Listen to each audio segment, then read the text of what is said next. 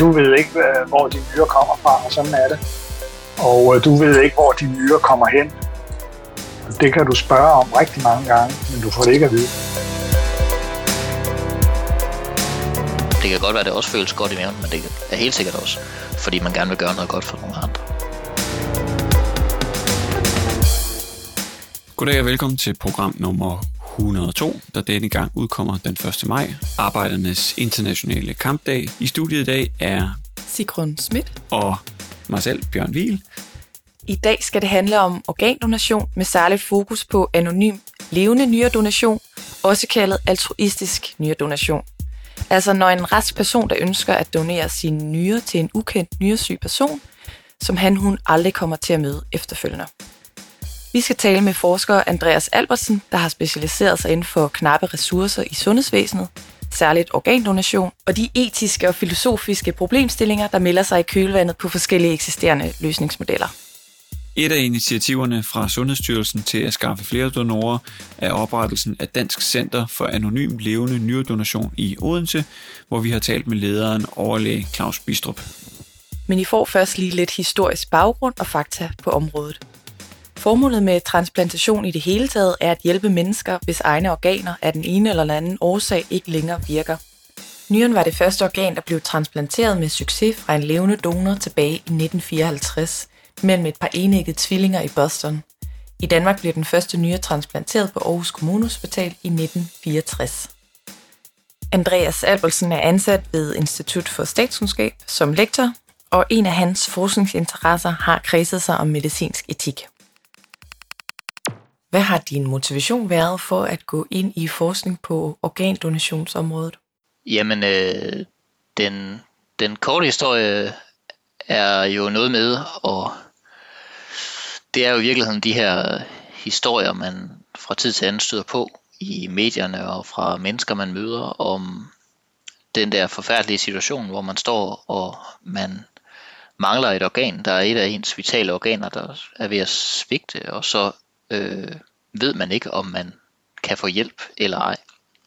Øhm, og som en, der havde beskæftiget mig med, hvordan man ligesom fordeler knappe sundhedsressourcer, så er det jo oplagt for mig, når vi taler om organer, at der ligesom var en anden side af ligningen. Der var mere end bare spørgsmålet om, hvordan skal vi fordele de ressourcer, vi har til rådighed. Der var også spørgsmålet om, hvordan får vi flere af de her ressourcer til rådighed. Fordi organer er jo i den sammenhæng lidt speciel størrelse. Ikke? De sidder i mennesker, og det sætter nogle klare begrænsninger for, hvad vi kan gøre for at få fat i dem. Så det er jo ikke sådan, at man bare kan øge en bevilling på en finanslov. Så det er sådan lidt et specielt øh, og derfor interessant etisk spørgsmål, hvordan man så får flere organer.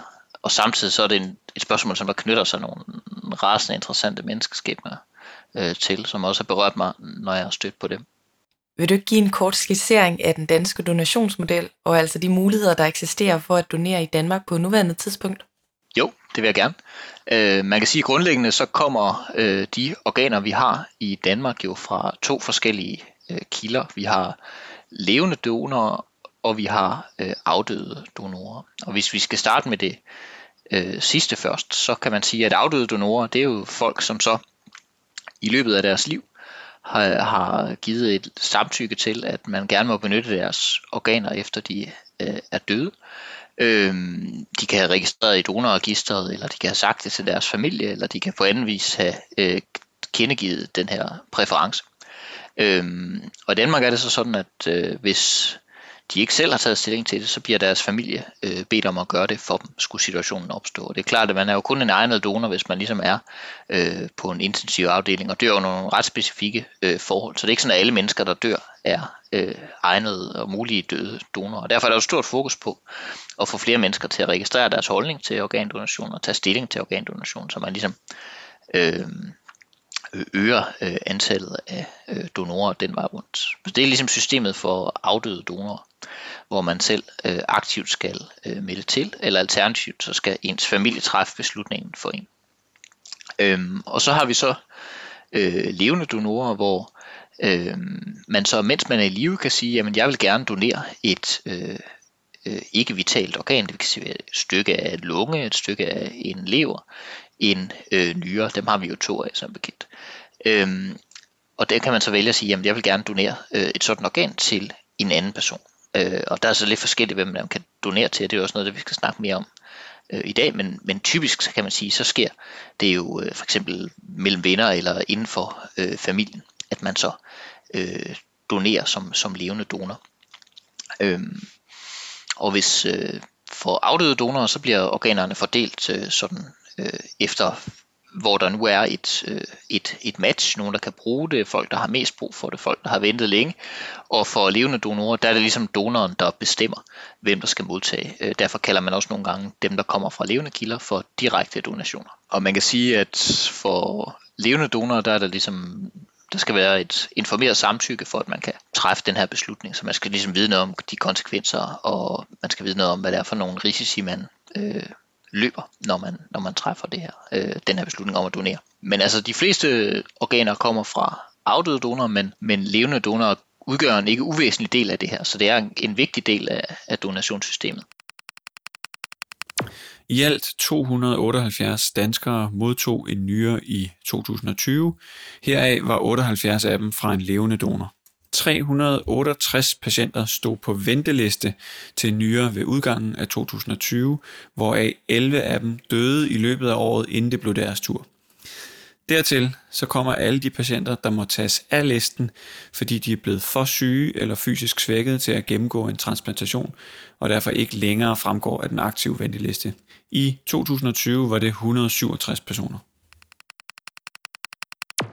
Der er forskellige tiltag i forsøget på at mindske manglen på organer, som du også selv er inde på. Og en af dem er oprettelsen af Dansk Center for Anonym Levende Nyredonation, som vi også skal vende tilbage til senere i programmet. Men vil du ikke over for vores øh, lyttere give et indblik i, hvilke andre tiltag, der eksisterer i ind- og udland?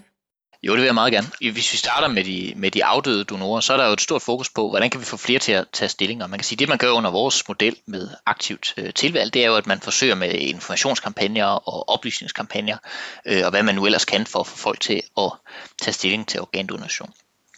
Men det man så øh, gør andre steder, det der ligesom, det er jo, at man så forsøger på at se, om vi kan vi ændre det tilmeldingssystem, vi har på en måde, der gør, at flere ligesom får taget stilling på den ene eller den anden måde. Øh, og øh, et meget, og i disse år endnu mere udbredt øh, alternativ til vores model, det er det, som jeg foretrækker at kalde det aktivt øh, fravalg, men som andre kalder for mod samtykke eller automatisk organdonation, hvor man ligesom siger, at folk de er betragtes i udgangspunktet som donorer, hvis de ikke selv øh, melder fra. Øh, og det kunne man så forestille sig, at alle myndige borgere, så siger man, jamen, øh, hvis de ikke har meldt fra, og hvis ikke familien ligesom kan indikere, at de ikke ønskede at donere, jamen så betragtes de som donorer. Og grundtanken med det system er selvfølgelig, at man vender systemet på hovedet, øh, således at man ønsker at få flere til at have taget stilling. Og så har man forventninger og en formodning om, at folk, der ikke ønsker at donere, de får meldt sig ud øh, og meldt melde sig fra. Andre alternativer er sådan et system med tvunget øh, øh, stillingtagen, hvor man ligesom siger, at på et eller andet tidspunkt, så bliver man bedt om at forholde sig til det her spørgsmål. Og hvis man ikke ønsker at forholde sig til det her spørgsmål, så er der et eller andet gode, man ikke kan få fra det offentlige. Så i en, en ofte øh, øh, kan man sige, præsenteret version af den model, så er det sådan, at hvis man skal ansøge om at få et kørekort, sådan er det i New Zealand for eksempel, så kan man kun få kørekortet, hvis man også samtidig tager stilling til organdonation. Man må selvom man ønsker at donere eller ikke ønsker at donere, men man skal ligesom tage stilling til spørgsmålet. Så det er et andet forsøg på at få flere til at få øh, truffet et valg i den øh, henseende. Så er der også nogle tiltag, der går lidt mere på tværs af levende og afdøde donorer. Et eksempel er sådan noget med prioritetsregler, hvor man så siger, at folk, der øh, har for eksempel ved afdøde donorer, folk der har registreret et ønske om at donere, de så vil få en form for prioritet, skulle de selv på et tidspunkt få brug for et organ.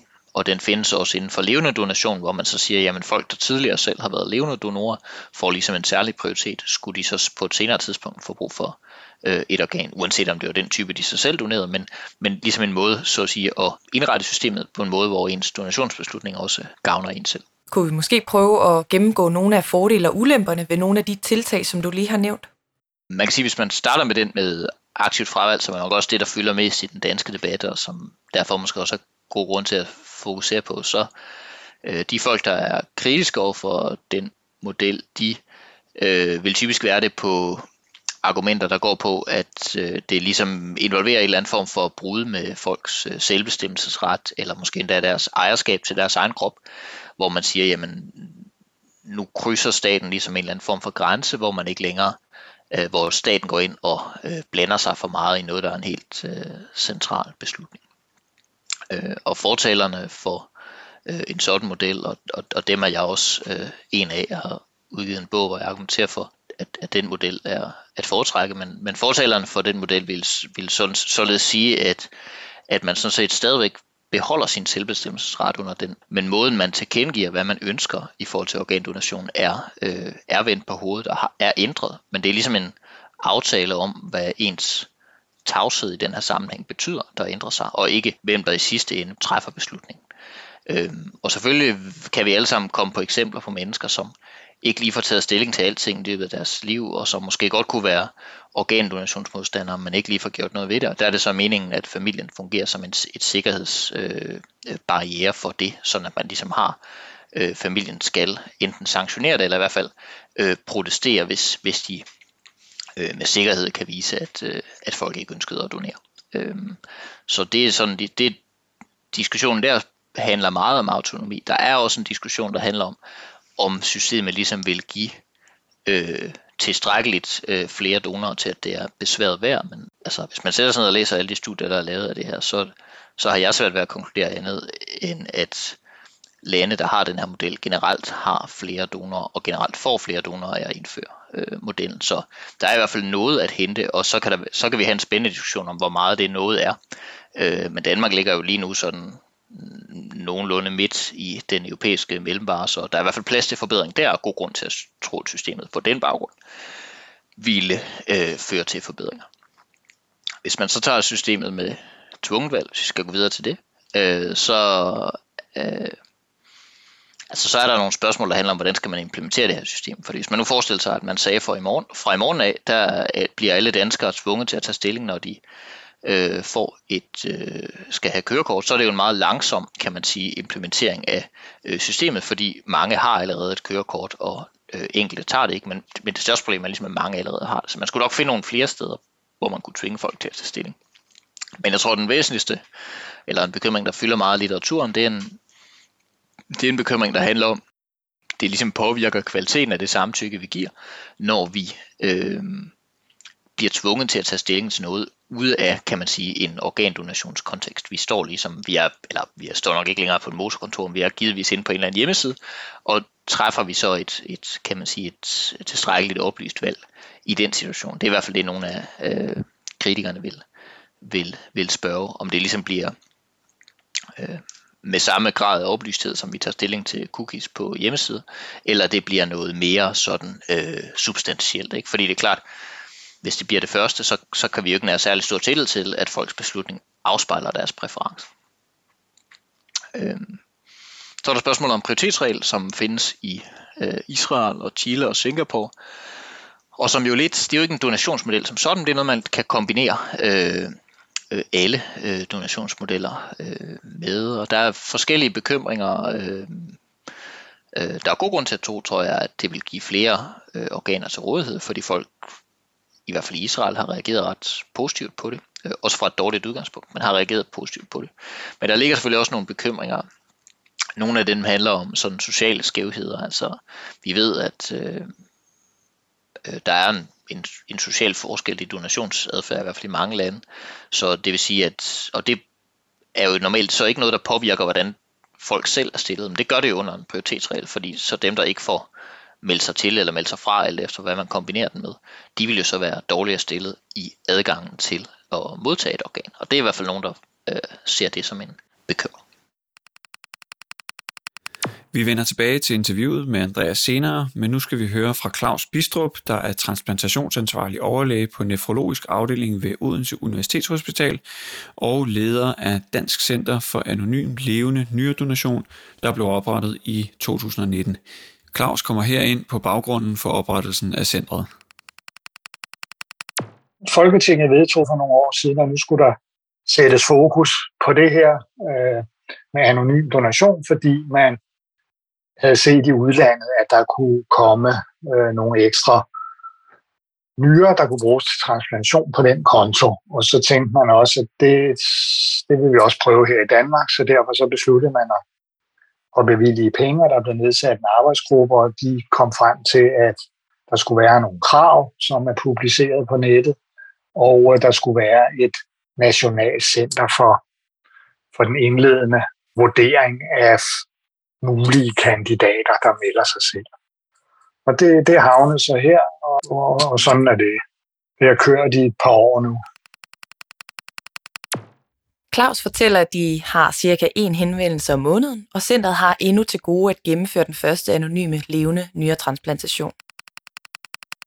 Langt de fleste øh, er nogen, øh, som øh, må afvises, øh, efter at de har rettet henvendelser.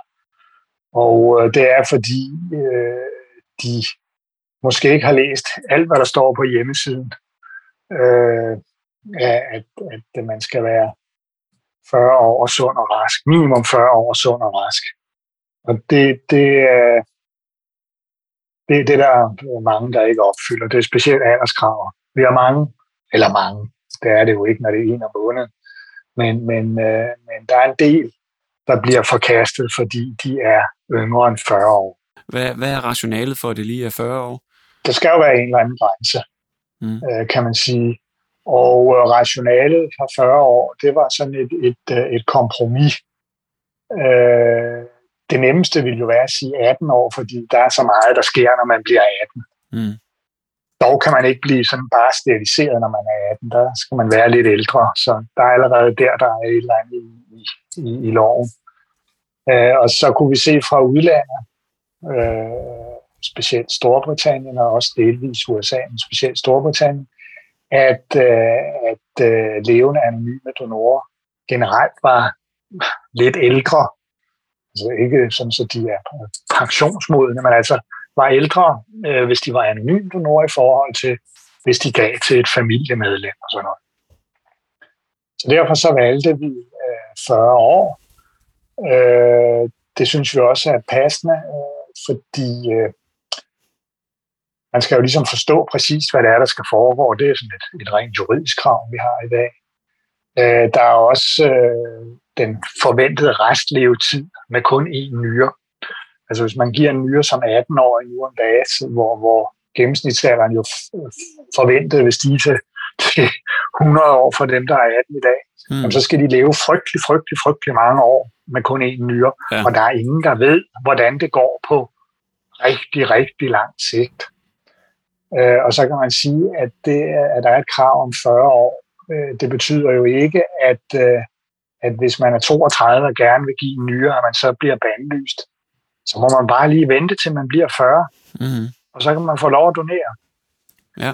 Og i, den, og i den kontekst, så er det jo på en eller anden måde lidt tankevækkende, at der ikke er flere henvendelser fra folk over 40 år, at det er dem under 40, hvis man er rigtig fræk, så kan man jo sige, at det er en lidt billig omgang at melde sig som 32-årig, når man kan se, at man skal være 40. Så synes man måske nok, at man har gjort noget godt, men, men, men det er jo ikke... Det, det, det, man kender jo svaret på forhånd. Jo, ja. Ikke? Hmm.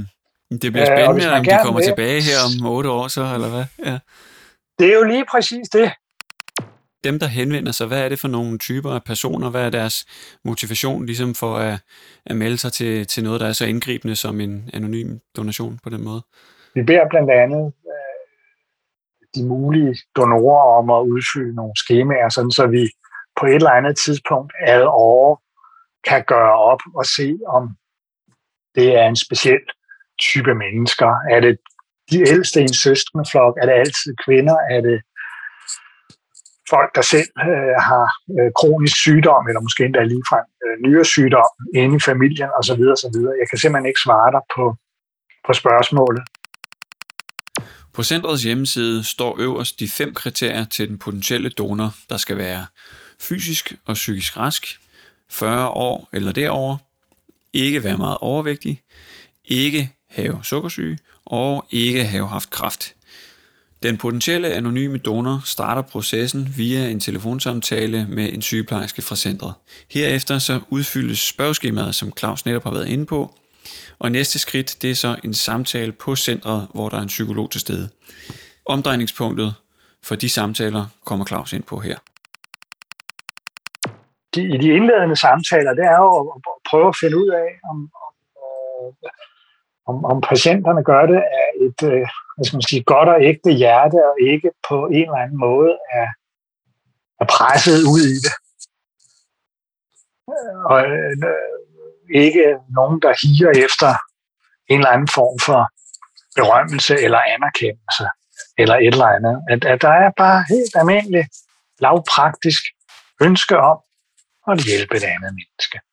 Så hvis, hvad kan man sige, motivationen ligesom er at kunne, kunne øh, lave en fed Instagram-post, mens man ligger i, i hospitalsengen og, øh, og er på vej til donation, så rører man ud, eller hvad? Ja, hvis vi, hvis vi får den mistanke, så, så slukker og lukker vi. Okay, ja. Hmm. Altså, vi, vi skal jo også som øh, sygehus, der, der står jo det anonymt. Ja. Og, og, og det, det, altså, hvad folk de øh, gør øh, hjemme og sådan noget, det kan vi ikke blande os i. Vil ikke og kan ikke og skal ikke og alt muligt. Men, men det skal ikke være noget, der kan, kan foregå her på sygehuset. Der, der hugger vi bremsen helt i. Ja, kan man ikke forestille sig, at begge parter på en eller anden måde kunne have et behov for at, at vide noget om hinanden, eller se hinanden i øjnene, eller sende et brev? Det kan man da, det kan man da sagtens forestille sig. Det kan man da sagtens forestille sig. Og øh, hvis det sker, så må vi jo øh, prøve at se, hvordan det er. Men det er jo ikke noget, der skal foregå under indlæggelsen, hvor, hvor, hvor donation og transplantation foregår. Men hvis de et halvt år efter øh, begge parter, og det vil så i givet fald være uafhængigt af hinanden, skriver til os og, og et eller andet, så er det klart, så må vi jo lige overveje, mm. hvordan vi takler øh, den situation. Mm. Præcis som vi hjælper journalister i kontakt med en nyretransplanteret patient, hvis, hvis vi bliver bedt om det. Ja. Så, så altså, det er jo ikke... Men, men, men det, vil, det vil være noget, vi vil tænke lidt over. Ja. Og det er jo noget, vi, vi vil være mellemled på, og det vil være noget, hvor vi, øh, hvis den ene part ønsker at komme i kontakt med den anden, og vice versa, at vi så ligesom lige har en snak om, hvad det er, det her det er, og så videre. Mm. Ja. Hvordan, hvordan indgår det ligesom i, altså det her med, at I skal sikre anonymiteten, nu har du gjort det meget klart her, at det er ligesom den grundlæggende præmis. Hvordan bliver den del serveret over for donorer og modtagere i forløbet? Det, det, det bliver sagt direkte. Ja. Altså det, du ved ikke, hvor de nyere kommer fra, og sådan er det. Ja. Og øh, du ved ikke, hvor de nyere kommer hen. Og det kan du spørge om rigtig mange gange, men du får det ikke at vide. I 2018 vurderede en arbejdsgruppe i Sundhedsstyrelsen ud fra erfaringer fra udlandet, at man i Danmark ville kunne forvente 5-10 ekstra nyretransplantationer årligt ved at introducere muligheden for anonym levende nyredonation. Denne forventning er endnu ikke blevet indfriet. Vi hører her Claus' refleksioner om det. Hvis vi når op på, på fem nyrer om året, så er det, så er det, er det, er det nok ret højt. Øh, og og øh, de andre lande, der er det jo ikke sådan, så når man er startet, så fra dag et, så er det væltet ind. Det, det, tager, det tager jo over at, at opbygge sådan noget. Så, så, så det kan være, at det kommer, men, men øh, ja, det kan være, at den danske folkesjæl eller mentalitet, den er lidt anderledes. Har I noget, hvad kan man sige, øh, PR-indsats på en eller anden måde? Nej, det har vi jo ikke øh, rigtigt, fordi øh, vi, vi skulle stå for driften af centret. Det var ikke primært os, der fik at vide, at vi skulle stå for annonceringen af det. Mm. Øh, og det, har, det er også lidt svært øh, at annoncere med en vare, man ikke rigtig har forstået på den måde. Når vi ikke har lavet en, en anonym donation, så er det lidt svært at gå ud og, og sige, at det, det så og så godt, ja. eller hvad man nu vil sige. Ikke? Ja, jeg fik den tanke om, I måske i, virkeligheden synes, at, at det med den øh, anonyme donation ikke skulle ligesom påduttes folk netop, som du selv siger, fordi at det skal være af det gode hjerte, ikke? og noget folk selv vil videre, men, men det er simpelthen fordi, at det har ikke været jeres opgave at, at udbrede, eller hvad tænker du? Loven kræver jo, at man skal, man skal ville det, og det skal være frivilligt det, det er jo ligesom øh, et, et par af de begreber, vi, vi, øh, vi, vi skal overholde. Så, så du kan vel sige, at det er en smule af begge dele. Er det noget, I, I snakker med sådan nogen som Sundhedsstyrelsen om på, på sigt måske at skulle, skulle øh, have gang i? Altså noget reklame, tænker jeg? Ikke, ikke, ikke mig bekendt. Altså vi har, vi har mere tale om det, øh, hvad skal man sige, afdelingen, at, at altså, hvad pokker, hvad pokker skal vi gøre? Er, er, er vi simpelthen for anonyme? Og, og der falder det jo hurtigt tilbage på, at, at øh, vi skal have en eller anden vare at reklamere med. Sigrun, når vi snakker om det her med PR-indsats for noget som anonym levende nyredonation, så kan jeg godt sidde med en mavefornemmelse af, at man bevæger sig lidt ind i et gråzoneområde, hvor at man kunne komme til at pådutte nogen et ønske om at donere en nyre. Og er det ikke bedre, hvis et sådan ønske kommer spontant og indefra fra det enkelte individ? Hvad tænker du om det? Mm, jeg tror, jeg tænker, det er lidt naivt øh, at tro, at sådan et motivation øh, vil opstå indenfra. Øh, jeg tænker mere, at man er nødt til at have kendskabet til, at det overhovedet er en mulighed, og at centret eksisterer. Øh, og det kræver unægteligt, at man får det oplyst, og der bliver lavet noget PR omkring det, før at en sådan motivation vil øh, kunne opstå. Og jeg tror ikke på, at bare det, at man får kendskab til det som en mulighed, gør, at øh, man føler sig tvunget til at skulle donere sin ene nyre. Det virker lidt som om, at den her PR øh, indsats, den er faldet lidt ned mellem to stole, og at der lige nu ikke er nogen, der har ansvaret for den opgave. Så jeg tænker da i hvert fald, det er vigtigt med noget klarhed omkring, hvem der i så fald så har det ansvar, øh, og at man får fundet de bedst mulige rette kompetencer til at varetage den opgave. Og de oplagte instanser kunne være centret selv, Sundhedsstyrelsen eller relevante patientforeninger. Lad os sige, at en mand til en nyresyg kvinde ønsker at donere sin nyre til hende, men at den desværre passer meget dårligt. Så kan man også bytte nyre. Er det ikke rigtigt forstået? Det kan man sagtens, øh, og det har vi gjort formelt set i nogle år. Ja. Og, og uformelt har vi gjort det i meget længere tid. Øh, jo, det er det. Og det er også der, vi, øh, vi hvad skal man sige, bruger de anonyme donorer. Det er til at starte sådan nogle kæder, så flest muligt kan få gavn af den anonyme donor. I stedet for, at det er bare en anonym donor, der giver til en patient, og så er ja, patienten selvfølgelig glad. Ja. Og forhåbentlig også den anonyme donor. Men hvis man nu kan få den anonyme donor til at donere til, til en patient, som godt nok selv har en donor, men de passer af pommeren til, ja. og så kan den donor donere til en anden, og måske en anden donor donerer til en tredje, og sådan til sidst, så er der så en, hvad skal man sige, donor i overskud, som donerer, til en, som donerer en nyre til en fra den almindelige venteliste. Ja, okay. Så på den måde kan man få lavet en lang kæde af øh, transplantationer, som udelukkende skyldes, at der er en, der starter den, nemlig den anonyme. Hvis du skulle prøve at beskrive nogle af de forskelle, der er mellem den almindelige levende donation og anonym donation. Vi har været inde på det, men, men kan du se nogle, nogle etiske dilemmaer, problemstillinger i ja, særligt den anonyme donation? Ja, altså det, det er jo der, er jo forskel. Øh, det at være nyresyg, det er jo ikke, det er jo ikke øh, kun et spørgsmål om at tage et par tabletter hver morgen, og så, så, så går det nok og stille og roligt. Det er jo, det er jo noget, der er dybt indgribende i en øh, familie. Ikke? Hvis, hvis mor skal i dialyse på sygehuset 3-4 gange om ugen af 4 timer, øh, plus at hun har det meget elendigt, når hun kommer hjem, det, det er jo noget, der godt kan belaste øh, en, en familie med, med far og mor, jeg ved ikke, hvor mange børn, Øh, så derfor så, så øh, kan man sige, at, at i, i den typiske almindelige situation, hvor hvad skal man sige, den ene ægtefælle giver til den anden, der kan man jo godt uh, diskutere frivilligheden sådan helt i sin yderste konsekvens øh, og helt ud til kanten. Den, den er måske ikke så meget til stede, men, men der kan man sige, at, at øh, der er jo noget, der er en hel familie, der profiterer af det og kan kan lave noget godt og leve almindeligt bagefter, hvis, hvis det bare går nogenlunde godt. Ved, ved, ved den anonyme, der er jo ikke, der er jo ikke sådan rigtig nogen øh, hvad skal man sige, udbytte forstået på den måde, at, at den, der vil, vil donere, det, det, okay, de får lov at donere, det kan de så være, være glade for. Men, men ellers så er der jo kun risici forbundet med at donere. Ikke? Og, og dødsrisikoen på 3 ud af 10.000 skal man jo ikke glemme.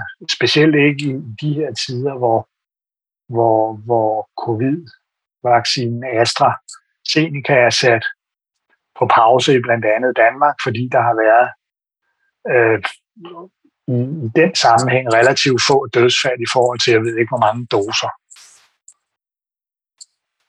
Det, det, det, det bekymrer man sig over, øh, at, at nogle relativt få dødsfald på mange millioner doser. Her der er det 3 ud af 10.000.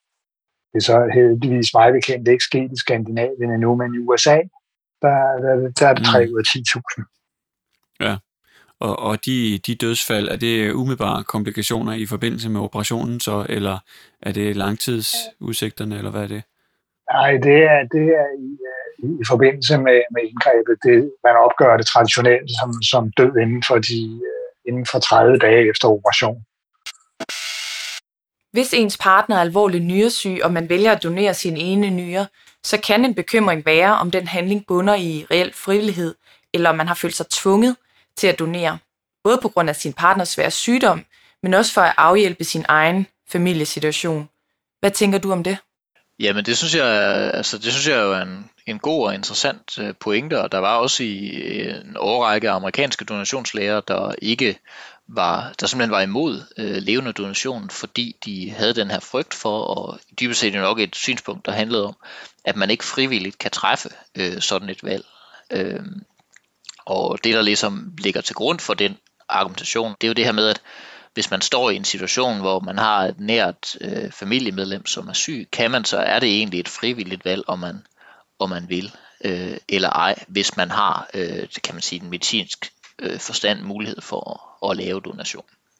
Jeg tror, mit eget synspunkt er, at man skal være forsigtig med at forveksle det, at man gerne vil undgå at være i en bestemt øh, omstændighed øh, med det, at man ikke træffer det valg, man træffer i den omstændighed, øh, ud fra sine egne præferencer. Og et eller andet sted så, øh, frivillighed er jo at handle på vores egne sådan ægte præferencer i, i de situationer, vi nu bringes i øh, i livet. Øh, og selvfølgelig kan der være et pres, og det er klart, at i det omfang, hvor der er tale om decideret pres eller tvang eller sådan noget, det skal sundhedssystemet jo gøre, hvad det kan for at øh, skærme og scanne og screene os fra ud af den situation. Mm, men jeg er ikke sikker på, at jeg er sådan helt øh, abonnerer på den opfattelse, at hvis man er sat i en meget dårlig situation, så er man ikke længere i stand til at træffe et frivilligt valg, altså uanset hvad man så måtte, øh, hvad, hvad man så måtte vælge i den situation. Fordi jeg tror sagtens, at man kan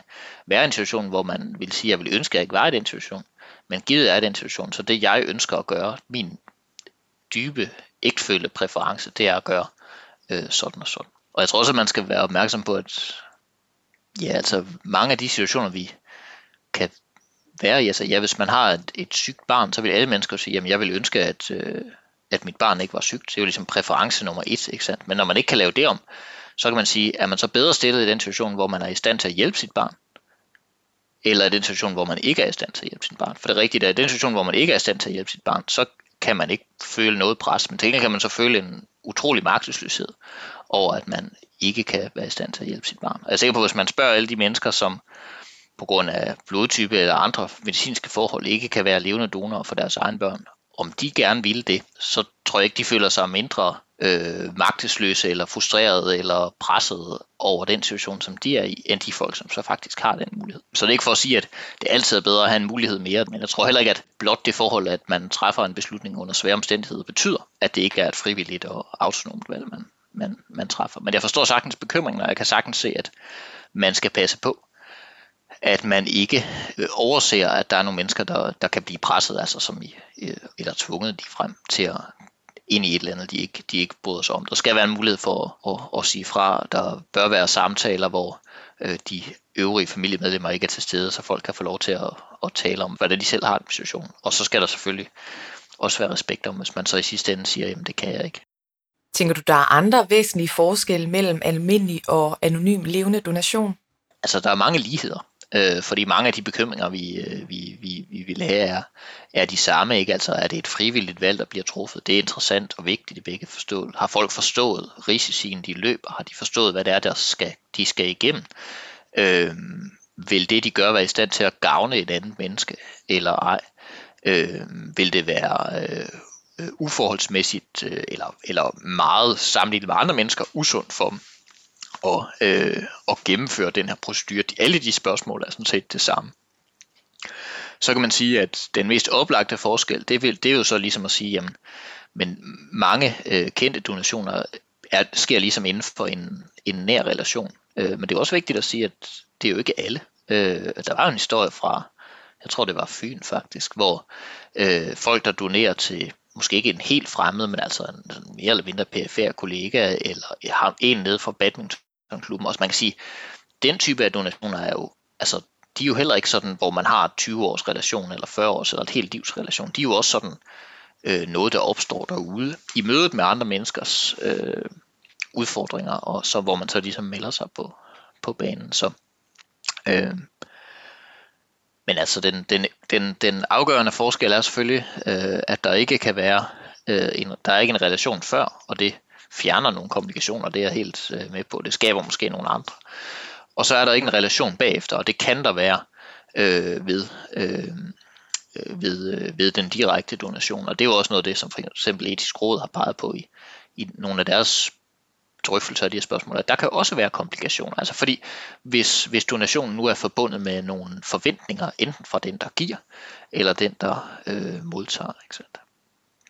Øh, hvis nu den ene person ikke synes, den anden behandler øh, den donerede, donerede nyere godt, eller hvis den øh, ene person nu, altså ja, man kan forestille sig alle mulige ting, der kan gå galt. i Sådan ting. Så der er i hvert fald nok også en behov for en enorm forventningsafklaring der. Ikke? Altså, øh, altså, så man ikke pludselig står i en eller anden uventet gæld til en person.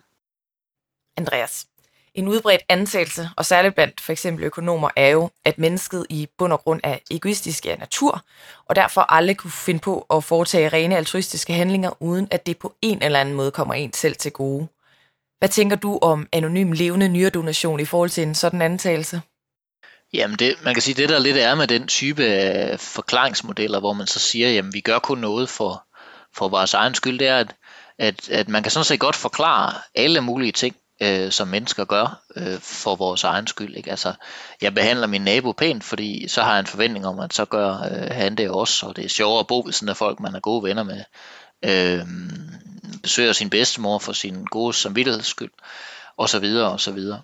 Øh, så vi kan sagtens forklare masser af menneskelig adfærd med henvisning til, at, at man gør det for sin egen skyld.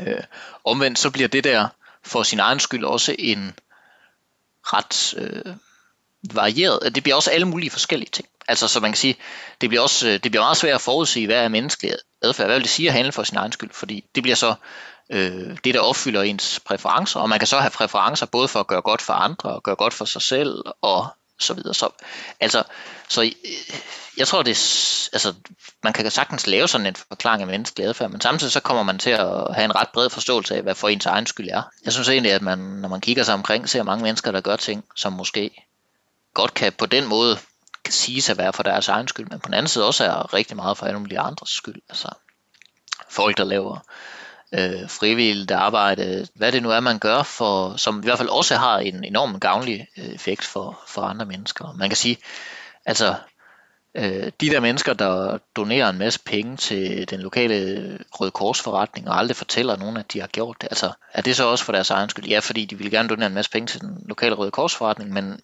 men altså Måske var det i virkeligheden mere for nogen. Måske var det, altså, måske var en mere sådan mm, hverdags, altså i overensstemmelse med vores forståelse af, at gøre noget for ens egen skyld og gøre noget for andres skyld, så må man sige, at det var, det var da nok egentlig for, for andres skyld. Og hvis vi rykker tættere på emnet, altså det der med at sætte et kryds et sted på nettet om, at man gerne vil donere sit organ, når man ikke er her længere, altså øh, vi kan sidde og have lange filosofiske snakke om, om man kan have præferencer, der ligesom lever også efter man er død. Det er rigtig spændende, men der er også en ret sådan hverdagsagtig fortolkning at gøre det, der handler om, at man gør det for nogen andres skyld. Det kan godt være, at det også føles godt i maven, men det er helt sikkert også, fordi man gerne vil gøre noget godt for nogle andre. Så øh, jeg tror sådan set på, at der findes forskellige artede motivationer, og jeg er sådan set ikke naiv i den forstand, at jeg tror, at vi er bare drevet af, hvad vi kan gøre for andre. Vi er helt sikkert også drevet af, hvad vi kan gøre for os selv, men, men må ikke det er en blanding af de to øh, størrelser måske. Må ikke vi har en mere sådan øh, rig form for motivation, end blot øh, sådan den snævre egen interesse i hvert fald. Jo, kan man ikke også sige, at en af forudsætningerne for at få lov til at donere levende anonym, det er, at man er beslutningshabil. Og hvis det er blevet fagligt vurderet, er selve motivationen for at ønske at donere i virkeligheden ikke underordnet, eller hvad? Jo, altså det vil så også, øh, det vil jeg jo egentlig også sige i forhold til det, du siger med, at man skal afklare, om det er altruistisk. Altså, øh, tja, det, det ved, altså, ja, det har man sådan en procedure om, at man skal, men altså dybest set, så, så tror jeg ikke, at jeg synes, at der er sådan, jeg synes ikke, man skal sådan botanisere voldsomt i folks motivationer. Man kan godt prøve at sørge for, at der er nogle motivationer, man gerne vil, man gerne vil udelukke. Vi vil ikke have, at øh, der må ikke være, det kan være, at man ikke vil have, at der er penge involveret, der må ikke være tvang og frygt, og, og man det må ikke være, fordi man er forstyrret. Så det kan være nogle motivationer, man vil, man vil lægge, lægge til side, men, men, men skulle man så have nogle andre motivationer, der fylder mere end ønsket om at gøre godt for andre, så kan man sige, så tror jeg egentlig ikke, at så for mig at se, at det ikke, at det ikke en afgørende barriere for at, at øh, eller bør det ikke være en afgørende barriere for at tillade at donere, fordi altså hvis nogen har et drøm om at komme på forsiden af en eller anden avis, fordi de har doneret, hvis man kan det, det er jeg ikke helt sikker på, hvilke muligheder der egentlig er, men altså, det er jo en anonym donation, så jeg ved faktisk ikke, om, om det vil være en mulighed. Men altså, lad os forestille os, man kan, at, at man kan gøre det, og så kan man komme i aftenshowet, og der er en person for hvem det vil være øh, nok til at gøre det, så kan man sige, det kan vi godt sidde her og synes, det tror jeg personen, jeg vil synes, det er en lidt besynderlig motivation, men omvendt har man jo forlænget og forbedret et andet menneskes liv øh, i tilkøb til, at man har fået tilfredsstillet sin egen, øh, på ingen måde ondsindede præference. Tja, altså, det, det, altså jeg tror, jeg vil sige, jamen, hvis det ikke er, fordi folk er skøre, så, så, så, så, så tror jeg egentlig ikke, at jeg, eller jeg tror, jeg har svært ved, hvor man skal trække den grænse. Og det er jo også, altså, det er jo et dilemma, man også kender fra, den, øh, fra afdøde donorer. Ikke? Man siger, at øh, jamen, vi taler meget om systemet som altruisme, men vi ved jo ikke præcis, hvorfor folk har sat krydset, og vi har ikke nogen mulighed for at undersøge det, og vi, vi er jo egentlig bare nødt til at sige, jamen det har de sat, fordi det var noget, de ønskede at gøre, og derfor så giver det mening at opfylde deres præferencer i forhold til deres øh, organer, både når de siger nej og når de siger ja, ikke? Øh, uden at vi præcis ved. Øh, og på samme måde synes jeg heller ikke folk, der nedlægger forbud mod at donere, at der skal vi ind og se på, om er det nu, har de nu tænkt sig godt om? Nej, der skal vi i udgangspunktet respektere, hvad det er, folk har nået frem til, øh, ud fra deres egen forestilling. Og så, altså, i andre sammenhæng er vi ikke så, kigger vi ikke så meget på folks motivation. Og, og hvad mindre der, man ligesom kan slutte fra deres motivation til, at det ikke er frivilligt, eller de ikke har tænkt sig om, eller nogle af de ting, vi gerne vil undgå, så er jeg nok ikke så puritansk der. Inden for medicinsk etik ligger emnet med anonym levende donation op til at tale om særligt to principper, der synes at gøre sig gældende, og måske også øh, modstride hinanden lidt. Hvis vi isoleret set fokuserer på de levende donorer, der anonymt ønsker at donere en nyre, er det så ikke et dilemma, de sundhedsprofessionelle kan stå i ved på den ene side ikke at ønske at skade den sunde og raske donor, og så på den anden side ønske at tilgodese denne donors autonomi og selvbestemmelsesret? Man kan sige i forhold til det her med altså spørgsmålet om, om levende donation, det er jo, at, at man i forhold til det her med, øh, skader man så donoren?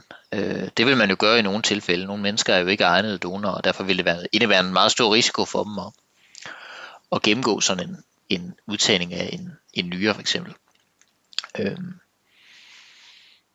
men jeg tænker, at når man skal lave den vurdering, om man skader donoren, så er man også nødt til at have et, øh, et sådan et, øh, et, øh, et, et, en samlet vurdering af, hvad der er af skade involveret i det her, og samtidig også, hvad der er af gavn involveret i det her. Og her er det klart, at, at, at selvfølgelig er der noget gavn for den, der modtager organet, men hvis vi første omgang fokuserer på den person, som afgiver organet, så, så, så synes jeg, det er helt rimeligt, at vi også øh, medregner, øh, kan man sige, i det omfang vi udregner det, ting, men altså tager hensyn til, at der også er en, en, en sådan psykisk øh, øh, gavn af at, at gøre sådan nogle ting, øh, og at der kan være en gavn af at glæde andre.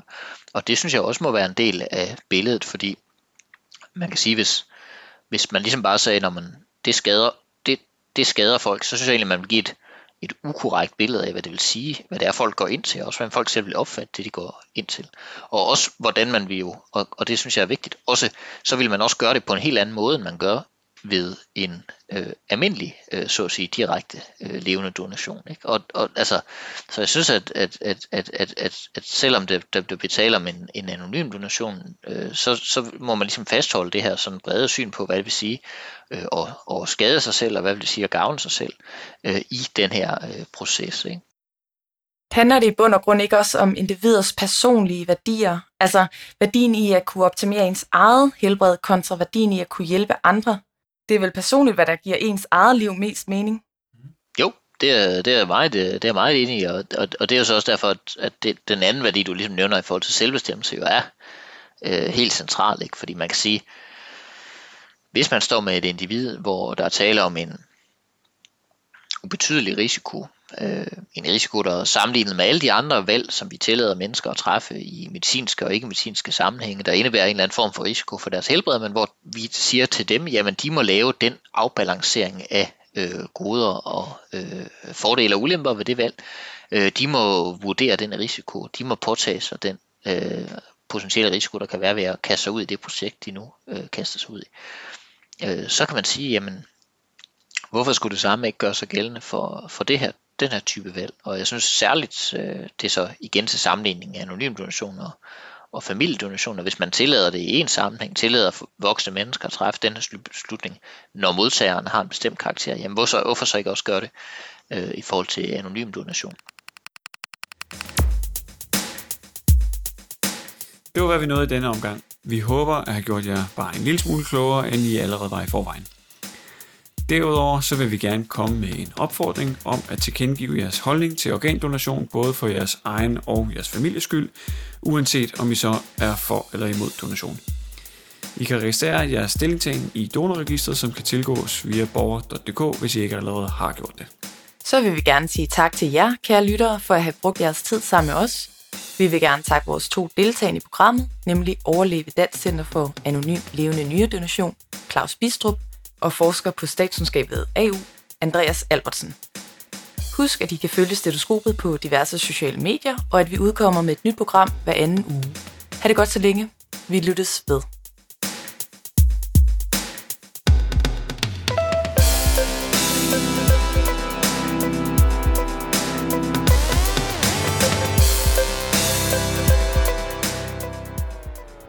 Nyren var det første organ, der blev transplanteret der blev tran...